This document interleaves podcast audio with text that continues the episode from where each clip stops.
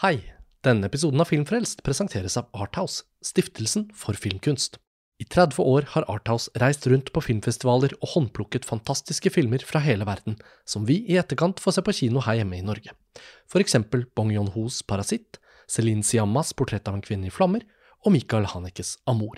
Og i fjor sikret Arthouse seg iranske Pana Panahis veien videre på filmfestivalen i Cannes. Og denne filmen har norsk kinopremiere 29. april og vises over hele landet i tiden fremover.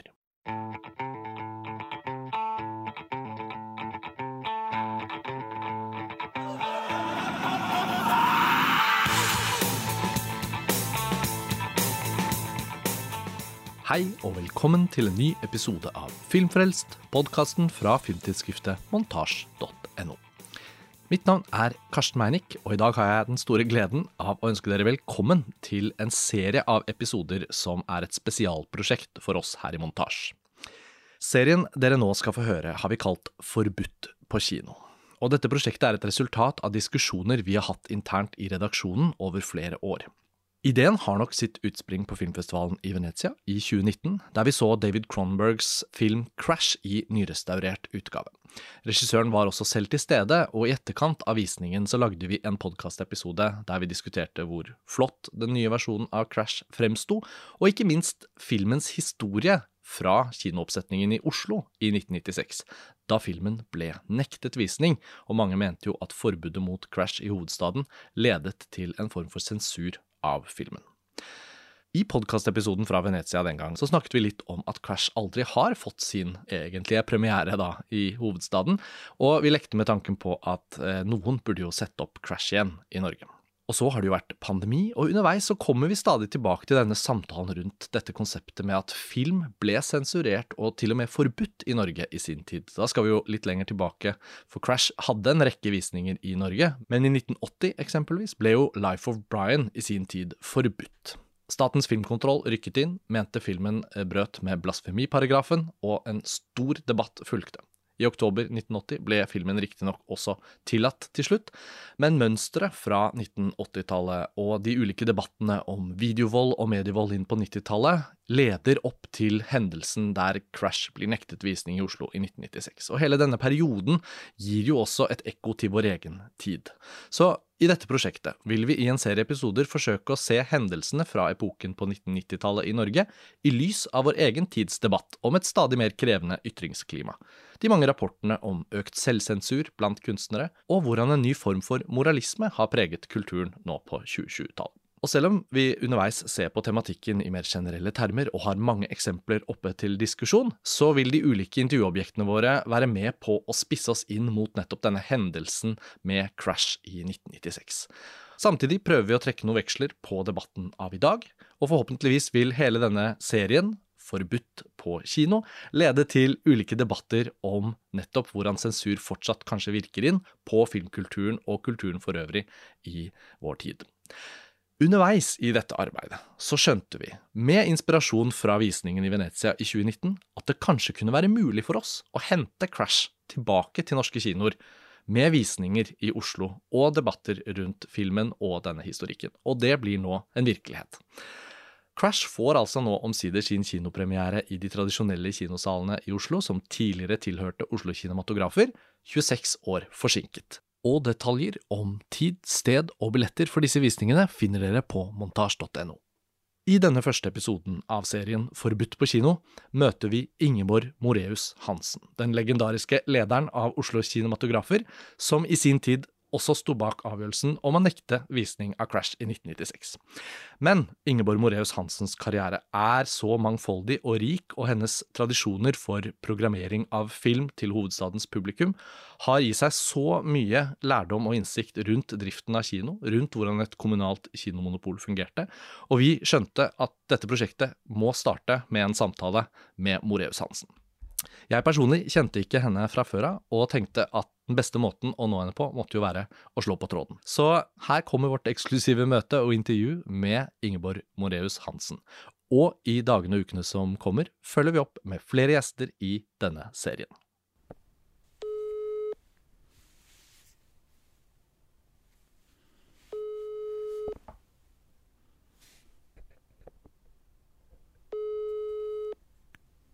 Hei, er det Ingeborg? Ja, ja, ja. ja. Hei. Du, ja, kom igjen, for det er hyggelig å tenke på noe annet enn Ukraina, så nå bare Ja. kjører vi. Selv om man alltids kan gjøre ting på Zoom og på telefon og sånn, så hadde jeg jo egentlig tenkt å spørre om det var mulig å, å møtes, da. Ja, selvfølgelig. Du Ja. kommer til meg her midt, på, midt i byen. Og Ja. her kan du bare komme, og du aner ikke hvor mange studioer og mikrofoner jeg har hatt i mitt liv. Det er bare å trykke på, så Ja. kommer det. ja, men så bra. Tusen takk. Takk, eh, Ingeborg. Takk for så raskt svar. Da høres vi på mandag. Ja, det tusen takk. God helg. Ha det. Hei.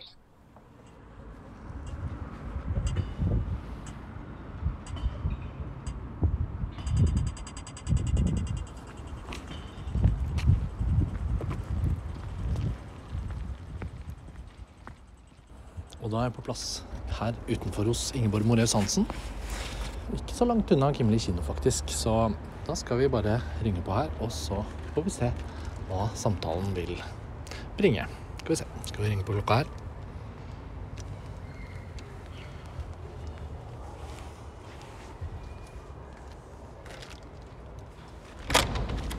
Kommer vi inn. Trygg hyggelig. Hei, hei. Se her, ja. Første etasje. Så praktisk. Tusen takk. Hei. Vil du ha kaffe? Ja takk, gjerne. Jeg bare skrur på, skal vi se. Sånn. Da er den oppe og går. Vi er her hos Ingeborg Moreus Hansen. Vi startet litt sånn in medias race, for det er så mye å snakke om. Takk for at du har sluppet oss inn her og uh, stilt deg til disposisjon for denne samtalen. Vi, vi, jeg gikk av ved Gimli kino og spaserte her til din adresse, og det er et av få steder i Norge hvor jeg føler en sånn virkelig filmkulturell på en måte klang. Altså Vi har mange hus og steder for andre kulturelle ikke sant? Du har Sehestedsplass med Aschehoug og forlagene. Man har nå opera nede i Bjørvika. Man har noen sånne punkter. Og så tenker jeg av og til hva er liksom det filmkulturelle stedet hvor det er ingen tvil? Da tenker jeg på Colosseum og Gimli kino i Oslo. Og så finnes det jo mange nye som prøver å bygge tradisjoner. Men det gir meg litt sånn Jeg får litt sånn ekstra alvor da når jeg går av i. Gimle og kommer gående her opp til deg. Og, Det burde vært en bauta utenfor Gimle kino, Ja. for det var min og så står jo Chaplin da utenfor Colosseum. nettopp, og så burde det stå meg utenfor Gimle. Ja, men det Syns jeg var det minste. kunne man jo se om man kunne få ordnet. Men uh, Ingeborg, du var jo kino... Jeg sier kinosjef, jeg vet at tittelen var vel filmsjef i en periode, og så administrerende direktør i en annen periode. Men i de 25 årene hvor du ledet Oslo Kinematografer, hadde du en vesentlig funksjon, ikke bare for Oslos filmkultur, men også for landets filmkultur. Fordi alle så til Oslo, distributørene satte opp filmene først i Oslo osv. Så, videre. så med tanke på flere ting som jeg vet at du både har reflektert over i boken din, og som du sikkert har meninger om også nå i dag, så tenkte jeg at det å få snakket med deg var avgjørende, da. Eh, Så nå er vi her. Ja, Og du startet med noe veldig viktig. Dette med å, å kunne ha noen prinsipper å jobbe etter. Som en, en kinoaktør som Med et monopol så, så fulgte jo også et ansvar, selvfølgelig. Veldig. Og du skriver jo litt om det, men fortell gjerne igjen. Altså, at du gikk jo inn i den rollen etter å også ha jobbet med de som da hadde ledet Oslo Kinematografer, frem til du uh, tok over. Hvordan så du liksom den posisjonen uh, da du gikk til arbeidet, de første årene dine? Hvordan Nei, altså Det som skjedde med meg, var jo at jeg ble valgt inn i Oslo bystyre ved det kvinnekuppet i 71. Og jeg ble satt inn i styre og stell for det meste, til og med Holmenkollbanens styre. og jeg kom inn i Oslo Kinematografers styre. Og der fant jeg eh, min plass. Og da filmsjefen eh, Andersen skulle slutte, så tenkte jeg det vil jeg bli når jeg blir stor. Så jeg eh, søkte, det ble masse rabalder. Fordi jeg ikke hadde filmskole eller noen ting. Og dessuten var jeg Høyre-dame, og det var litt uhørt det også, tror jeg. Og Pål Bang-Hansen mobba meg jo til siste dag for alt dette, så vi har hatt mye sånn stammekriger. Men jeg gjorde det fordi jeg likte å komme inn i en bedrift hvor man skulle kombinere kultur og håper si, lønnsomhet også. For det var jo ikke noe subsidiert bedrift. Det var en bedrift som skulle ha inntekter, selvfølgelig, og vi skulle være lønnsomme. Og vi hadde inntekter fra Freia og fra reklamen. Og så skulle kinobilletten. Sånn at det, Jeg vokste opp i min mors blomsterbutikk og har lært meg på ramme alvor at hver kunde som kom inn, måtte handle, for ellers så gikk ikke inntektene i hop. Så jeg likte denne børs-katedral-modellen som kinematografer hadde. Og jeg husker jeg dro på kontoret på morgenen, og så tenkte jeg på den som var sjef for Vikingmuseet. Som har et produkt som skal vare i 2000 år, og han behøvde jo ikke slåss for å få folk i salen. Jeg måtte hver dag tenke på at setene skulle fylles. Så, så jeg, jeg, var litt opptatt av å drive butikk. Mm. Og selvfølgelig og, og, film var aldri min kunstart. Jeg har hatt musikk og litteratur. Men, eh, men dette med å drive en bedrift som var eh, eid av fellesskapet, og som skulle være lønnsom, det var det jeg falt for. Mm. Og, og, kinofilmen ved siden av uh, andre kunstarter skal vi si, i Norge sto jo ikke særlig Nei. sterkt. Og det Nei. har jo vært en kamp i, i, altså Nå snakker jeg for meg selv. I min generasjon, i min levetid, så er det jo fortsatt noe vi kjemper for at filmen og de beste norske filmene på en måte skal bli en større del av det Norge er stolt av. Nå ser vi jo Joakim Trier og hans uh, team som er nominert til Oscar for verdens verste menneske, men, men, det er ikke så Men jeg var aldri filmdame, jeg var Nei. kinodame. Nettopp. Og mitt fag var å lese møte mellom lerret og sal. Mm. Og uansett om jeg sitter i en begravelse eller jeg sitter i et eller annet arrangement, så leser jeg om det er samsvar mellom de som står på scenen og de som sitter i salen. Mm. Og, og jeg, jeg, da jeg ansatte, skulle ansette folk, det gjorde vi jo i hytt og vær, så var det jo da jeg traff de som søkte stilling som skulle i, ut i kinodriften. Ikke maskinistene, men de i kassen eller billetten. Da spurte jeg de alltid hvorfor de ville drive og være på kino, ansatt der. Og det var fordi de var glad i film. Aha, sa jeg. Det er ikke poenget. Dere skal være glad i publikum. Hvis dere bare er glad i film, så holder ikke det. Da har dere søkt feil. Dere skal være glad i publikum. Så mm, jeg slåss jo hver dag for å skape mer respekt for både kinokultur og filmkunst. Og det var jo en ledd i hele, hele poenget med bedriften, var jo nettopp å heve respekten for film som kunstart. For den var underestimert i Norge. og er vel bedre nå, men allikevel. Også det med kinokultur. For det var der, det var jo i møte med publikum, måten vi bygget kinoer på, gjorde om kinoer på. Måten plakatkulturen skulle være tiltrekkende og ikke frastøtende. Og, og hele, hele kinoinnledningen med det store tivoli, hvor du skulle få publikum inn. Så faget var som sagt møtet mellom filmkunsten og publikum. Mm. Og det kunne jo vi drive med fordi vi hadde det tilnærmet monopol. Og fordi vi var hovedstaden også, sånn at all film som skulle lønne seg å få til å gå, mm. var avhengig av hvordan importen ble tatt imot i Oslo. Mm. Og så fort vi ble litt forkjøla, så fikk jo Kino-Norge lungebetennelse, ikke sant? Vi måtte lykkes.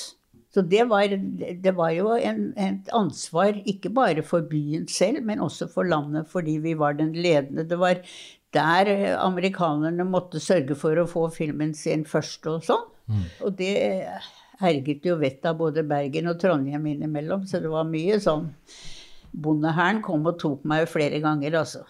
Men også i den perioden du da satt i dette, altså, du gikk av med pensjon i 2005?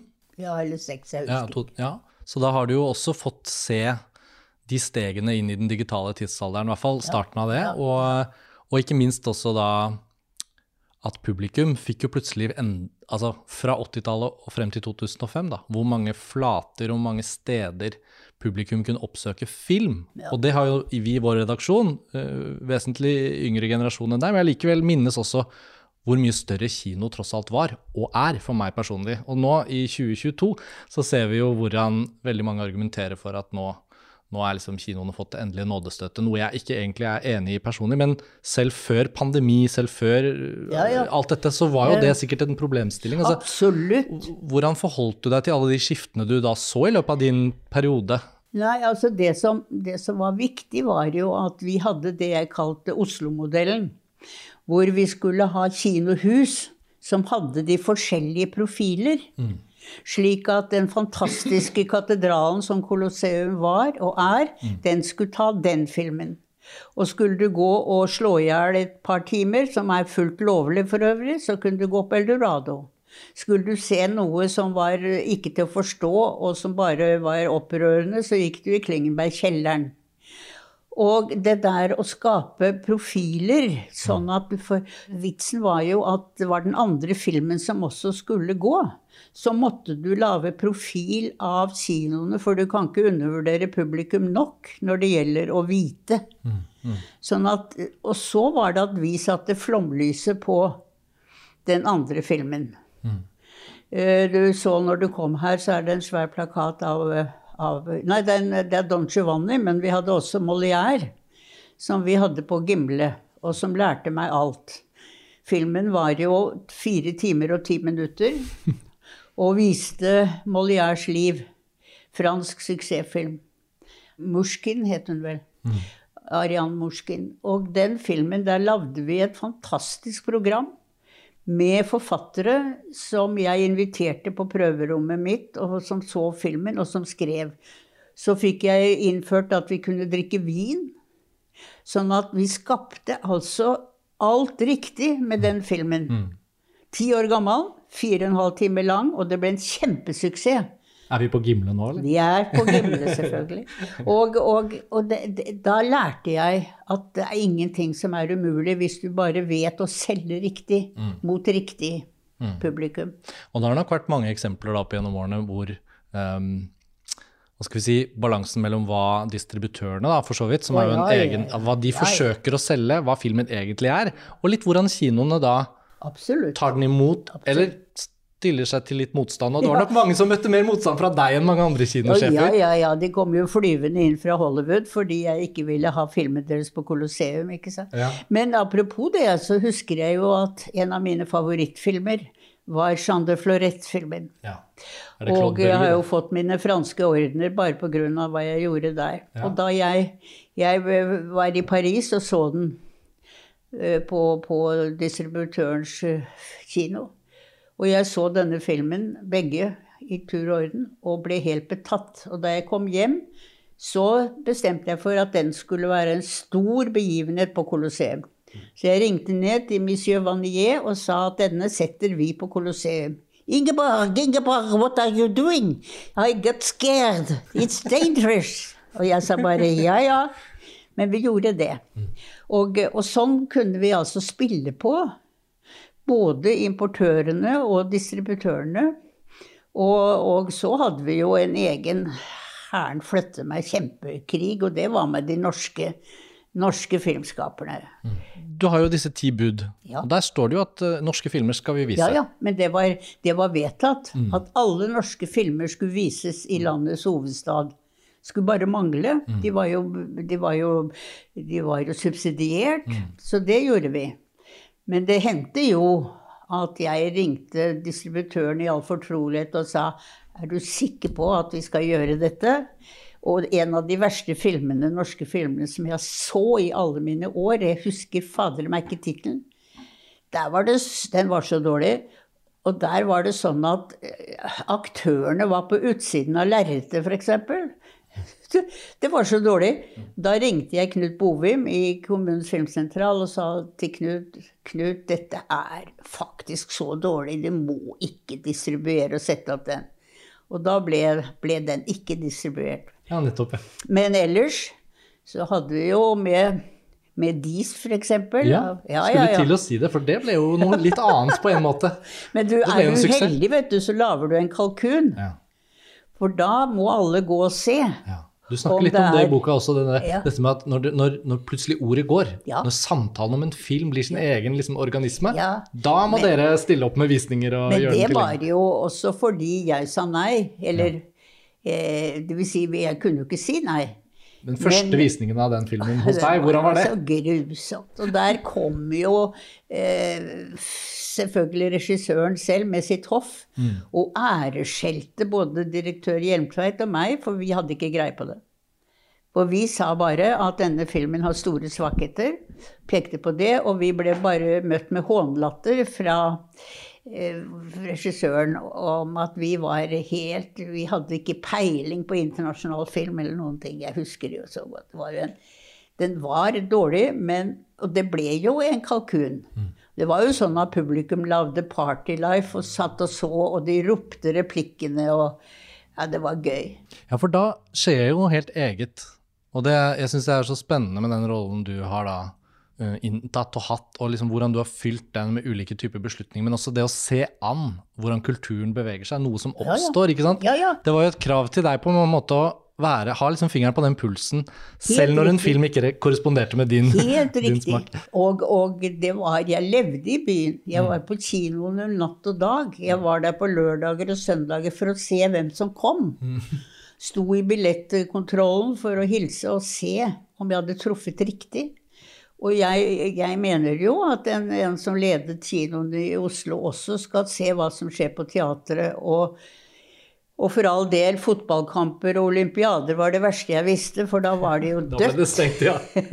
Under Lillehammer-OL i 1994 var det vel kanskje ikke så gjevt å ha en film på Der kino. lagde vi jo en kampanje som het OL-fri sone. Og jeg gjorde om alle plakatene med OL og strek over, så her kunne de gå som hadde.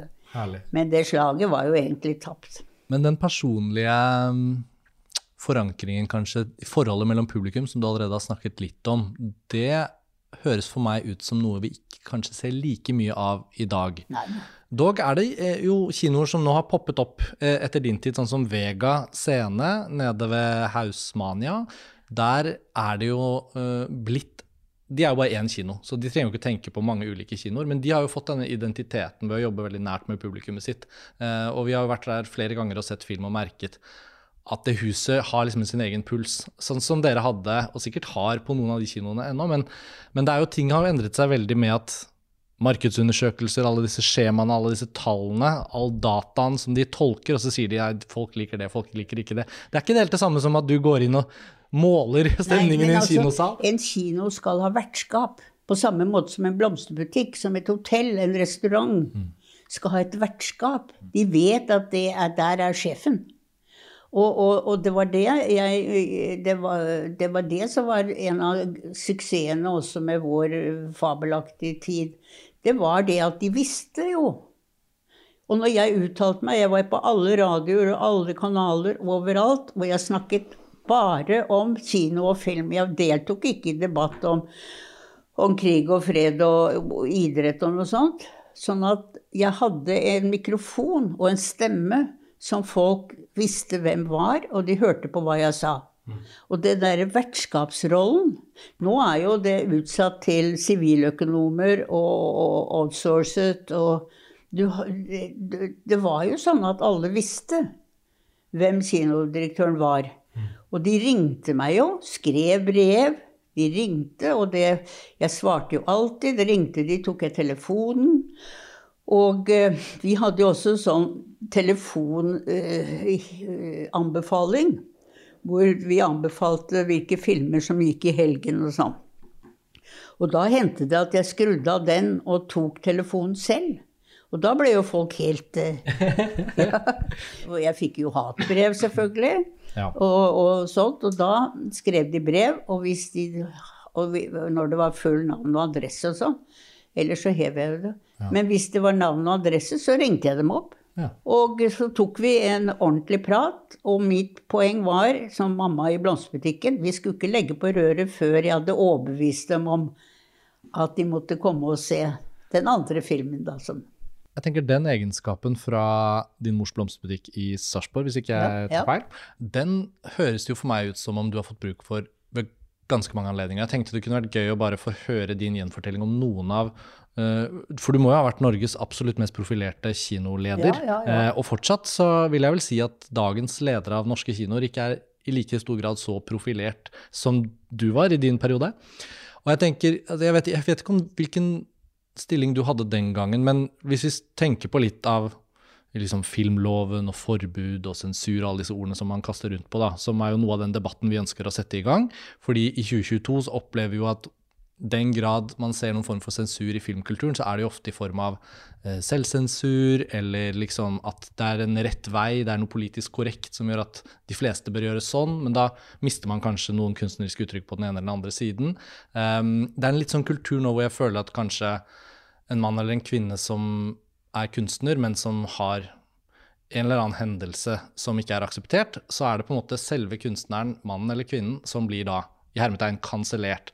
Og da er alle kunstverkene de har laget, på en måte ikke lov. Nei, Mens uh, i noen av de episodene du har vært involvert i, så har du jo fortsatt uttalt stor respekt for kunstneren, men så kan det være et enkelt verk, én film, som blir valgt bort. Ja, ja. Sånn som i tilfellet var med 'Crash' til David Cronenberg. Det var jo et spetakkel. Altså, Hvordan husker du den ja, jeg episoden? Filmen. Jeg så filmen, og uh, For den hadde premiere på filmfestivalen i Cannes i ja, 1996. Ja, jeg så den der nede, og mm. da var det halve salen buet. Og halve salen var begeistret. Jeg syns den ikke holdt. Mm. Uh, jeg syns den på en tid han var litt pervers. Det der med seksualitet og være handikappet, som det heter. Mm. Uh, delvis også fordi jeg hadde da opplevd at min mann ble, ble lammet. Men, men den, den, jeg syns den var spekulativ. Og denne utmerkede regissør hadde her laget en dårlig film. Ja, For det var jo en filmskaper som hadde ja, ja, vært med filmene sine i Oslo mange ganger tidligere. Ja, ja, det, det, hva het den? 'Tvillingskjebner' med Jeremy Irons, husker jeg. Ja, absolutt. Mm. Sånn at uh, der hadde han laget en dårlig film. Og jeg eh, tenkte at den her vil jeg ikke sette opp. Og gjett om det ble et spetakkel. Fordi da, da, kunne ikke jeg si nei til den regissøren, for alt han lagde, var av ham. Så derfor måtte den opp. Og det var et prinsipp som jeg reagerte på. Men jeg sto for det. Det vil si, jeg, jeg, jeg gikk ut i ørkenen til mokasinene var blitt slitt, som det heter.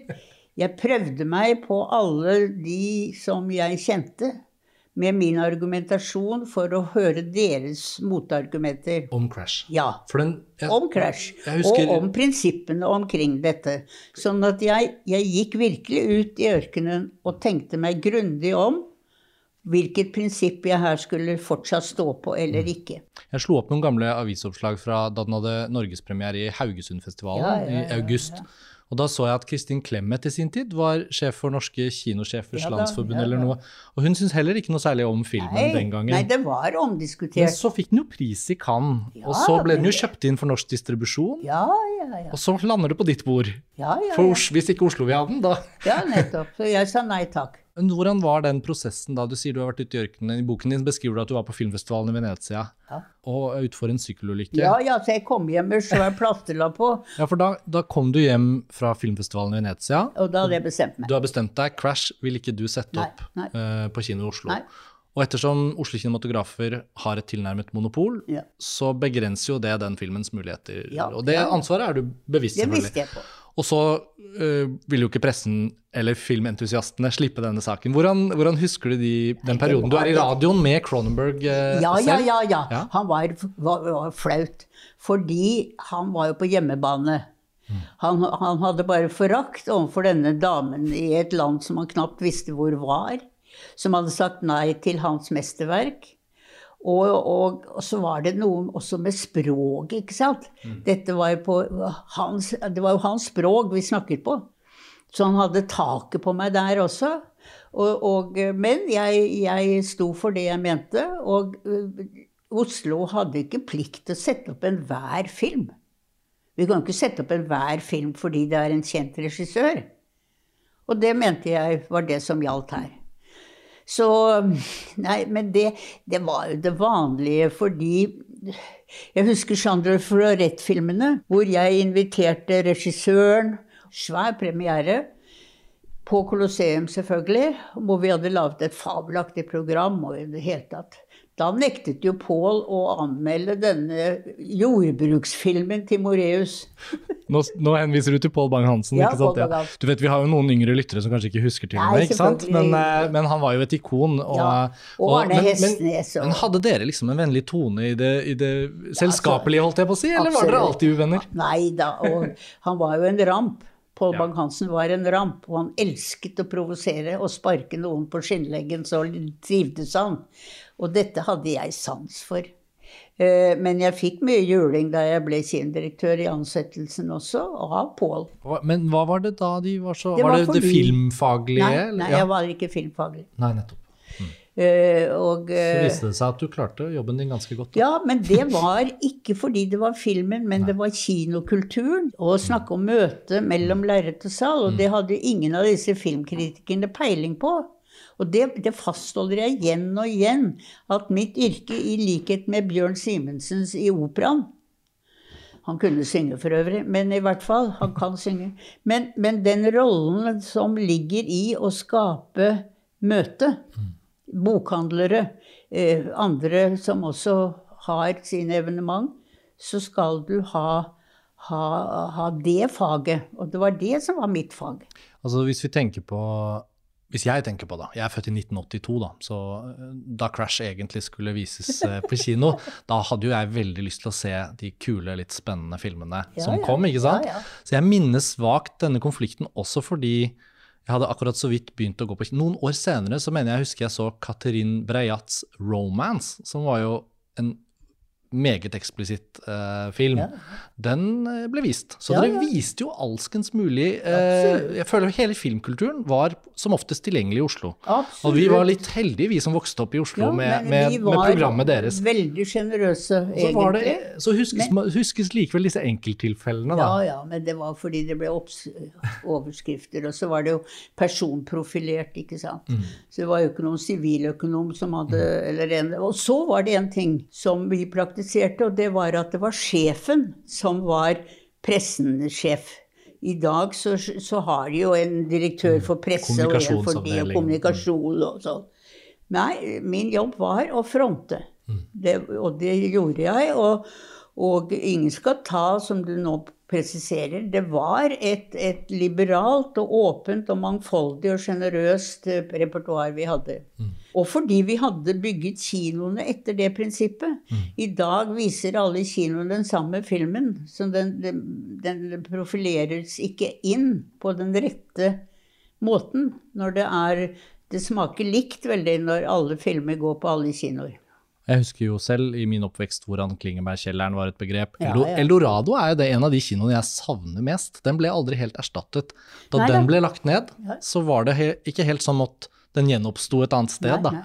Eh, Og mange av de filmene som kunne være de litt sånn der røffe, eh, typete filmene, de, eh, de gikk litt sånn under radaren. Men tror du kanskje det at mange opplevde at kinotilbudet var så bredt og så raust at det kan ha vært derfor også reaksjonen ble så sterk? For eksempel, nå ble jo Crash et eksempel, da. At når det plutselig ble en film som hadde vært i Cannes fra en kjent regissør, som plutselig ikke ble vist, så kanskje reaksjonen var sterkere fordi mange mente Det kan godt være, det kan godt være. Men det lå en, en slags Det var en sånn snobbisme hos eh, de eh, Anmelderne var jo radikale alle sammen. Vet du hvem som har skylda for at jeg ble kinodirektør? Nei? Pater Ibe Moen. Jeg vokste opp i et hjem hvor ikke filmen var poenget. Jeg vokste opp med en del av familien som var eh, haugianer og, og kristne, og da var kino og film, ikke sant? Fordi at da jeg da eh, flyttet til Oslo og ble student og var med i den konservative studentforeningen og Minerva-kretsen og i det hele tatt da traff jeg jo pater Ibe Moen, som var anmelder i Vårt Land. Og med hans verdisyn, når han anmeldte film, så fant jeg en, en slags identifikasjon med pateren. Fordi alle som anmeldte film, var jo, var jo radikale. Og, og det å lese film inn i den settingen som pateren, det gjorde at jeg, jeg fikk en helt annen eh, hva skal vi si, motivasjon. Så, og han, han hadde jo et verdisyn, konservativ og katolikk og pater og i det hele tatt, som, som hadde et syn på film som var helt nytt for meg, fordi den kristne verden hadde ikke brydd seg om filmen. Nei, Så det var hans. Og han skrev, altså, Så filmkritikken hadde jo egentlig en sentral rolle, da? Ja, ja, ja, ja, selvfølgelig. Det er jo en evig De debatt, jo- det er filmkritikkens kår, eh, Ja, målt ja. mot alt det andre. Ja, ja. Så, Nei, så, så jeg, jeg fikk, fikk, veldig mye juling, men på en annen side så fikk jeg jo dette til å bli en suksess også, da. Mm. Men jeg hadde mange diskusjoner med Statens filmkontroll. Ja. Hun som var sjef der, jeg veldig, hadde jeg veldig respekt for. Eh, det var f.eks. da Astrid Lindgrens 'Brødrene Løvehjerte' skulle ha premiere. Så satte hun og kontrollen dette forbudt for barn. Jeg husker ikke nå grensen. Og da eh, ble jeg forferdelig eh, provosert av den avgjørelsen. Og, og, mente, og det mener jeg fortsatt, at det er en av de nydeligste filmer om døden som er laget, og boken, selvfølgelig. Og da sa hun Ingeborg, du må huske på at det er mange barn som ikke har den ballast med seg og om seg når de går inn og ser en sånn film. Og det, det hadde jeg så respekt for. Og det, det er sånn som jeg lærte mye av. Altså. Og, og, derfor så måtte du, som sagt, sette filmene riktig. På riktig kino. Sånn at det riktige publikum kom og så den. Jeg husker en som ringte meg. Han hadde sett 'Fargo', var ikke det den filmen het? jo. på Saga. Cohen-brødrene? Ja. Han ringte meg på kontoret og ga meg inn. Han hadde vært og sett en ordentlig søppelfilm som han aldri skulle se. Nettopp, sa jeg. Men hadde du ikke spurt på forhånd? Hadde du ikke satt deg inn i det? Det var datteren som tok meg av. Akkurat, sa jeg. Nå må du høre. Den filmen skulle ikke du sett. Men det er en glimrende film. Mm. Men du må lese du må lese om dette på forhånd. Du må kunne leksa lite grann. Hvis ikke så ringer du i hvert fall meg, sa jeg. så vi holdt på å le oss i hjel og ble bestevenner. Og du hadde rett og slett da en så direkte kontakt med mange av publikummerne? Absolutt. Ja. Din telefon var åpen? Absolutt. Til lørdag, søndag og helg. Og de, det var de som takket, og det var de som mobbet. Men vitsen var å, å bli venner med dem, da. Er det mange av de filmene som har gjort inntrykk da, i din tid som kinosjef, som du For du har vel kanskje enda litt uh, filminteresse i ditt hverdagsliv nå? Altså, er det noen av filmene du returnerer til som du, som du føler har endret seg hele, siden den gang? Hvordan, altså, hva, hva, slags forhold har du til film nå? Nei, nå Jeg har jo fått overdose, så jeg orker ikke å se så mye film. Du må jo ha sett hundrevis av filmer i året? Ja, du vet, jeg så jo 300 filmer i året, og satt mm. da i 26 år, så du kan begynne å regne. Ja. Nei, som, som, Da jeg ble administrerende, så fikk jeg ikke sett alle filmene, men bare de viktigste. Mm. Det, og det, en test på om en film er god, er eh, når du ser den annen gang. Første gang blir du beruset, men annen gang, da er det det gjelder. Og holder den andre gang, så er den. Men, men jeg har jo enormt med filmer som har satt seg fast, og som den dag i dag jeg stadig opplever F.eks. en av mine favoritter er den franske filmen 'Tout le matin du monde'. Årets alle dager. Da var Alain kom, ja, han var på besøk her. Det er jo Depardieu som spiller den store komponisten, og så er det han andre franske som spiller den andre. Og disse to var musikkvenner, og den ene valgte et overfladisk liv i tiden, og ble også Ludvig den stores komponist og dirigent ved Versailles. Og den andre valgte dypdykking og ble en eremitt og gikk dypt inn i musikken.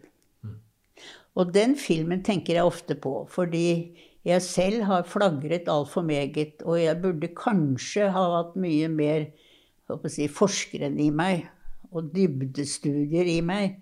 Sånn at sånt kommer til meg stadig. Jeg har jo da i, i mitt arbeid med montasje og denne podkasten og sånt, så har jeg også hatt noen år hvor jeg har sett veldig mye film. Og jeg tenker ofte på at film som en interesse eller som et fag, det føles som en, en ekstra heldig eh, kanskje interesse, fordi jeg føler at hver gang man skrur på en film eller går inn i en kinosal, så åpnes det jo et vindu ofte til en verden som ikke er din egen. At du får det derre speilet av alle de virkelighetene som finnes på jorden, alle de menneskelivene som leves og sånn. Det må jo ha tilført mye rikdom også for deg, da? Absolutt. Jeg har lært så meget. Særlig dokumentarfilmer. Mm. Og det satte dere også opp, selvfølgelig. Ja, det satte vi opp. Jeg husker en film om eskimoene. Det var bare ti mennesker som kom og så den, tror jeg. Men den ble helt betatt. Altså. Men, mm. men altså, det som, det som skjer med kino når du går inn i en kinosal, så er det et av de Det er kanskje det siste rommet som er mørkt. Og der kan du sitte og gråte. Du gråter for lite. Du burde gråte mye mer. Men vi gråter ikke sånn foran fjernsynet. Og i kirken er det heldigvis lyst. I teatret er det aldri mørkt. Operaen er ikke mørk. Konsertsalen er ikke mørk. Kinoen er mørk. Der kan du sitte og gråte. Og likeledes er det smittsomt med latter. Og jeg kunne stå i slusene oppe på Colosseum og kjenne på når kom reaksjonen. Og den kom når den første begynte å le, så lo hele Colosseum. ikke sant? Du blir bedre statsminister jo mer du går på kino. Kåre Willoch, som var min venn, og var min venn, og i det hele tatt Han var min favoritt statsminister, for Kåre gikk masse på kino. Gro gikk ikke på kino. De andre gikk ikke på kino, bortsett fra når jeg inviterte dem. og det var noe sånt. Men Kåre gjorde det, og jeg har ofte lurt på hvorfor det? Og da han gikk og så den filmen på Gimle som het 'Terms of Endearment', uten min anbefaling engang, så tenkte jeg Kåre, hvorfor gikk du og så den? Så tenkte jeg kanskje han trengte å sitte og gråte.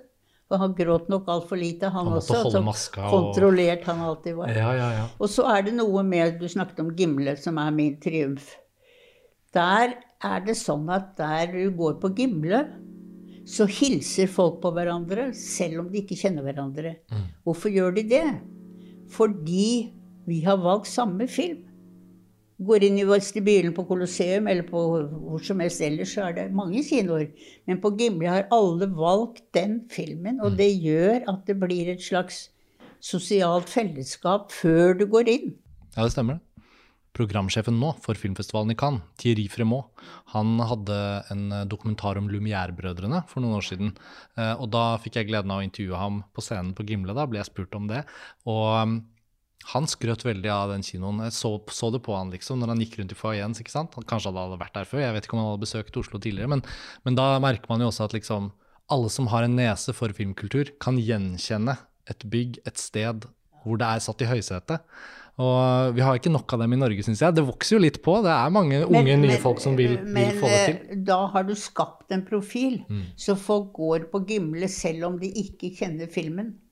Det er, det er helt spesielt. Jeg følger med på alt som foregår, Mm. og ser at det går selvfølgelig til helvete uten meg, og det gleder jeg meg over. Men jeg vet om alt som skjer, og jeg tenker det er feil programmert. Det er en film som går på Gimle og har visning klokken ni om kvelden. Altså Det er jo ingen, noe- ingen i den målgruppen, tenker jeg, som er denne filmens målgruppe, som går på kino klokken ni om kvelden. Det er ingen som gjør det. Nei.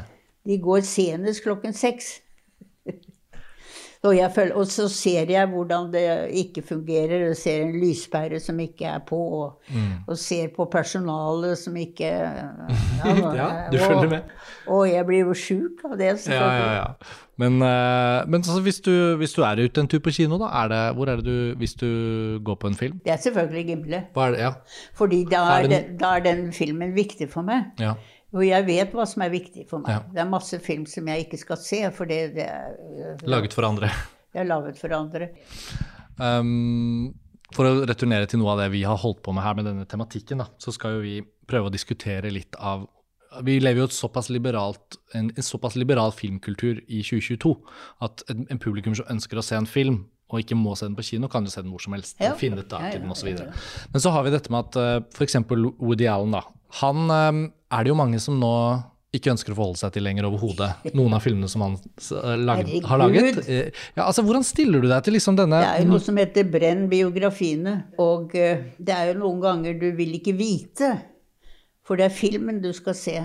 Du vet for meget Om kunstneren. om kunstneren, og det angår deg ikke egentlig. Men vi lever jo i denne profileringen, så det er dessverre smertefullt. Du kommer ikke unna, så det er opp til deg Men- å bestemme. Men tenkte du den gangen, da? Woody Allen-filmer, var det noen gang uaktuelt å vise de? Aldri! Han var min helt, han min venn, min bekjente. Jeg glemmer jo ikke da vi satt på Jeg har jo skrevet om det. Jeg satt på annen etasje på Continental og hadde lunsj med hun unge talentet, en engelsk film og engelsk eh, ung pike. Og så sitter vi der, og så kommer Woody Allen inn gjennom døren. Hva? Det var en conversation stopper. Ja. Han som aldri var utenfor New York. Ja, det var det. Sitter på Continental, og så kommer han inn. Med Mia Farrow og en haug med unger. Men ble du starstruck, eller? Helt! Og så prøvde vi å være høflige mot gjesten. Og så, da jeg gikk forbi bordet hans, så lot jeg som ingenting. Vi kunne liksom ikke Hæ? Så jeg gikk tilbake, styrtet bort på kontoret og skrev et brev. Dear Mr. Woody Allen, om hvor eh, fantastisk og stor respekt for at han reiser inkognito, så jeg ville ikke bry meg om dette. Men hvis han hadde tid, kunne han da være så snill å gå bort på Filmteatret? Fordi distributøren av hans siste film mente at hans film ikke skulle gå der. Jeg mente at den skulle gå der. Så dear Mr. Allen, all the best. But if you have time, could you of Så gikk jeg og leverte det på Continental, brevet, og, og, og eh, ba de levere det til ham. Så jeg gikk tilbake på kontoret, og så gikk det jo ikke mer enn noen timer, så ringte jo verdenspressen og andre til meg og lurte på om jeg visste, om jeg hadde hatt noe med det å gjøre. Det hadde jeg ikke, og sa bare overhodet ikke. Og det ble jo en hul om hei, og de tok bilde av han gikk i Stortingsgaten der, tror jeg.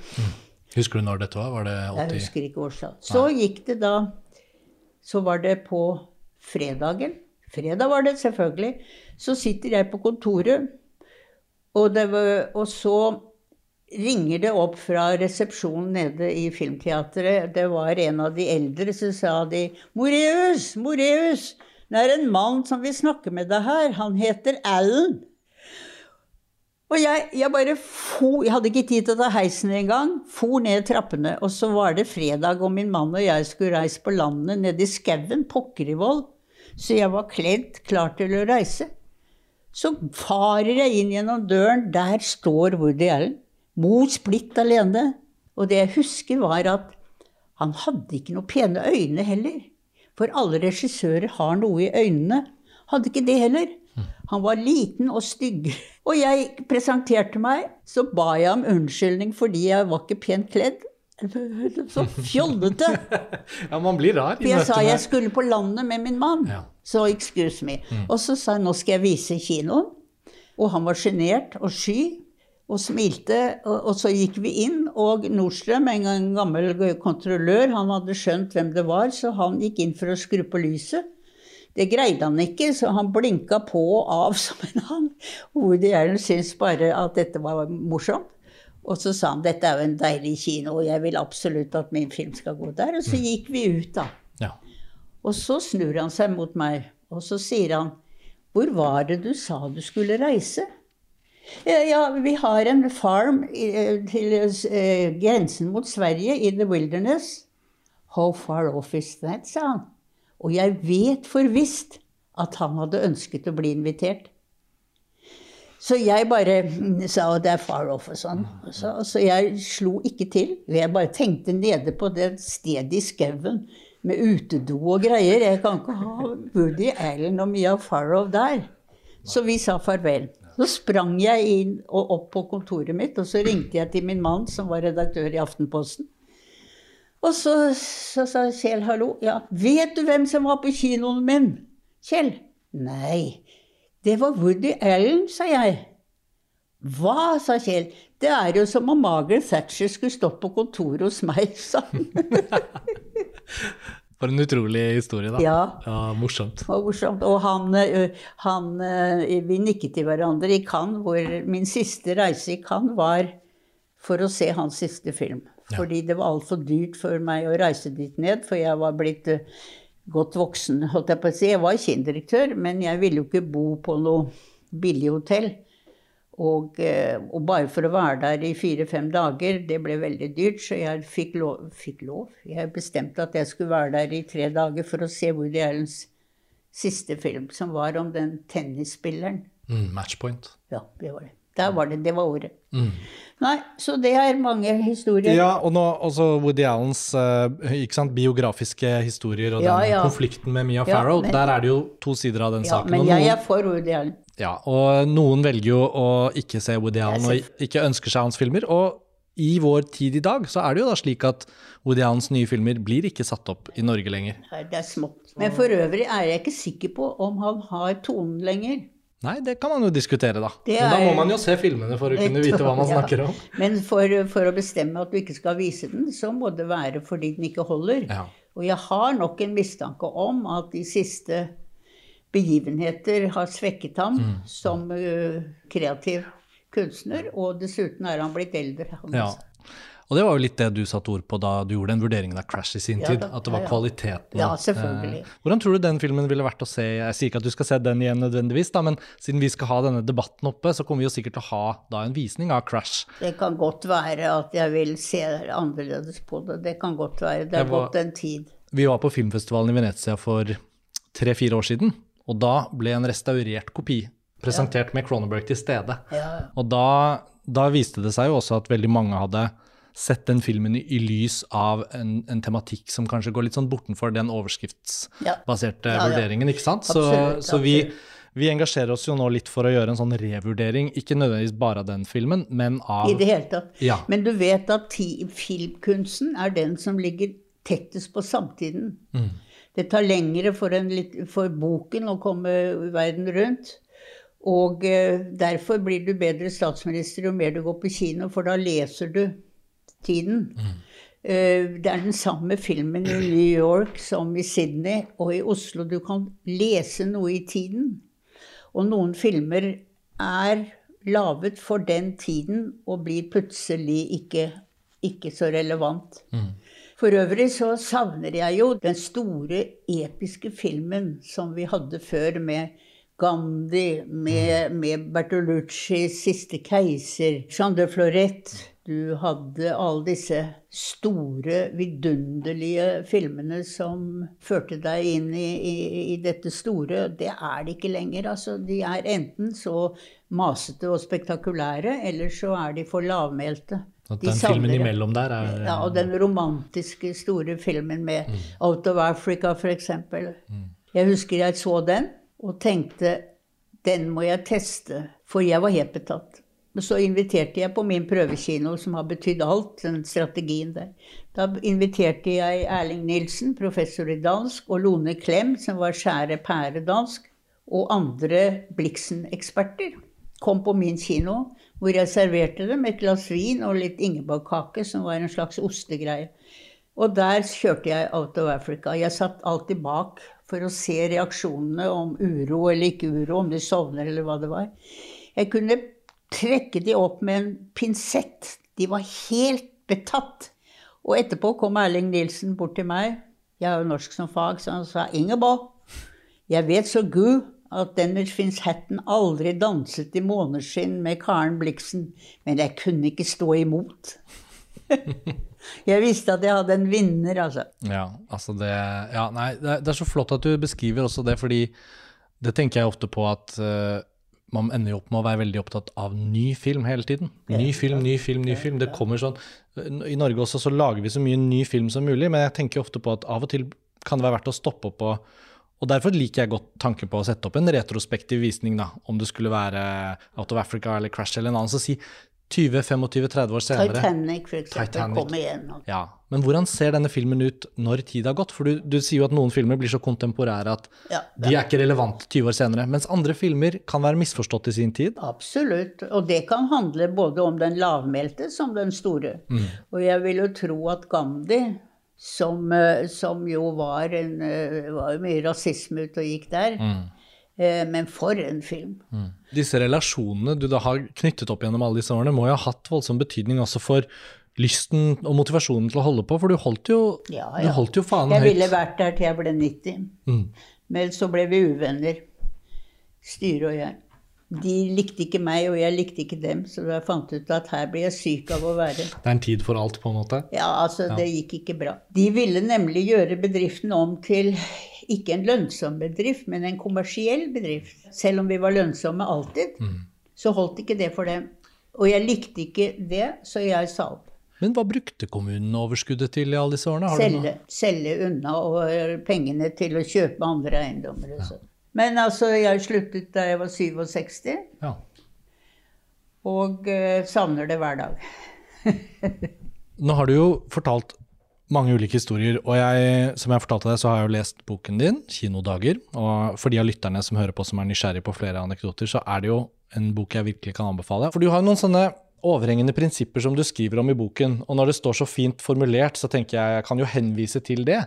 Men jeg tenker på på en måte disse ti bud dere hadde for Ja, kinodriften. ja. Og du snakket litt om verdien av publikummet. Og så har vi snakket litt før vi gjorde dette opptaket, så snakket vi på telefonen og vi kom inn på dette med filmens betydning for mennesket. For Ja. å på en måte rømme litt fra livet.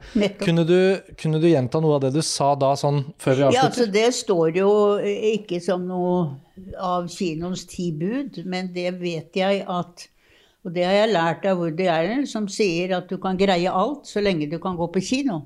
Og det som han gir uttrykk for, det er jo en jødisk si, filosofi. Dette at du må bringe deg inn i et, et rom hvor du kan le eller drømme bare for en time eller to. Denne flukten hjelper at du overlever holocaust og hva som helst. Det der å gjøre kinoen til det rommet hvor du kan drømme deg bort bare for et par timer, og så gå ut og ta hverdagen din, det betydde mer og mer for meg, faktisk. Fordi livet for litt hardt med meg selv. Og jeg tror at også mitt publikum som så hvordan jeg med en mann plutselig i rullestol, hvordan jeg gikk til kinoen for å greie det, det tror jeg er så Det var så viktig for meg, og det førte jo til at etter hvert som jeg holdt på i disse 25 årene, så ble jeg mer og mer glad i publikum enn enn filmen. Jeg ser hva det betyr for mennesker å få lov til å reise og se på noe som er vakrere, noe som er rikere. Se på romantikk. Eller stirre det onde i hvitøyet. Det der, det er, det er måten du kan greie det på er nettopp at du kan for to timer rømme vekk fra slit og strev og, og alt som verre er. Der er kinoen, filmen på kino. Det er jo ikke det samme å sitte hjemme her og se på det.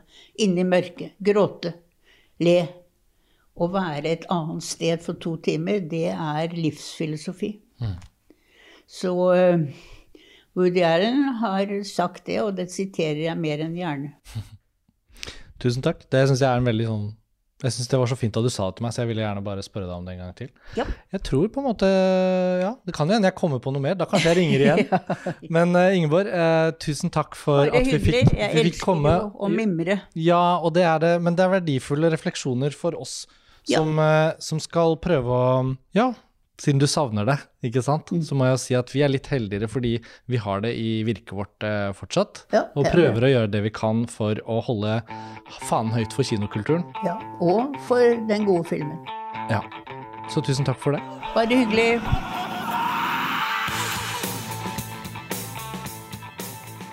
Takk for at dere hørte episoden vår med Ingeborg Moreus Hansen, og følg med videre på Filmfrelst etter hvert som vi fortsetter å publisere episoder i denne serien Forbudt på kino.